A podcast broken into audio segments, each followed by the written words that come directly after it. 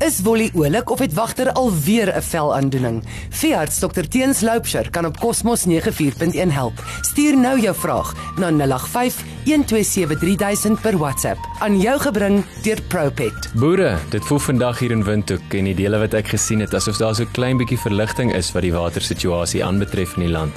Daar is ongelukkig nog steeds 'n groot kans dat dit nie so goed gaan op jou plaas nie.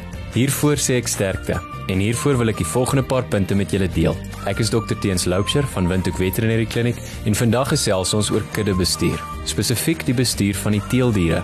Ek wil begin deur te vra of julle aan die begin van elke teelseisoen julle bulle laat toets of as jy tussen teelseisoene enige diere ingekoop het of jy dan weer laat toets. Die rede hoekom ek vra is omdat wanneer ons bulle toets, toets ons nie net vir hulle saadkwaliteit nie. Ons toets vir twee moeilikheidmakers spesifiek ook. Ons toets vir Trichomonas en Campylobacter. Hierdie twee affekteer die produksie van jou kudde. Dink bietjie. Kry jy 85% of meer kalfsyfer in 'n jaar?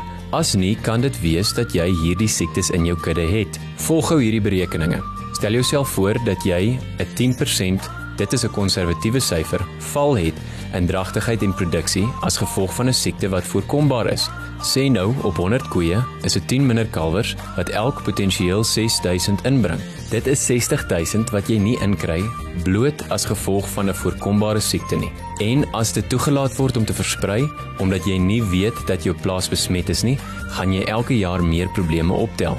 Al jou koeie en bulle is later besmet. Dit gaan maak dat jy nie jou bulle kan verkoop nie, want 'n boer wat gaan koop, gaan dom wees om te koop sonder 'n gesondheidssertifikaat. Saam met die kudde besmetting gaan jou produksie meer val. Ja, dit kos geld om 'n veearts uit te kry om die bulle te toets, maar kyk net hoeveel potensiële probleme dit spaar. Genoeg nou vir bulle. Wat van die koeie? Vra jouself af, wat bring 'n koei in jou sak wat nie kalf nie? Behalwe as dit ou Bessie is wat al jare die oorskiet slaai van ou baas eet. 'n Koei kos jou voer. Of sy nou op die veld is en of jy haar moet voer kos sy jou geld. Sy moet jaarliks geënt word, sy moet behandel word as sy siek is en sy betaal nie hierdeur kalvers te gee nie. Daardie koeie bring drasties die produksie af en neem net kos van die goeie produktiewe koeie af. My voorstel hier is om enige koei wat nie gevat het in 'n seisoen nie, liewer dadelik uit te haal. Dit is die beste ding om te doen. Maar daar is natuurlik ander dinge om ook in gedagte te hou. As dit droog is en die diere se kondisie is af, sal hulle sukkel om te vat. Of baie keer sal ons besluit om hulle 'n tweede kans te gee en hulle dan te slag. Dit is nie 'n slegte idee om hulle kondisie op te tel of hulle 'n tweede kans te gee nie, maar ek wil hê dat 'n mens so daaraan moet dink.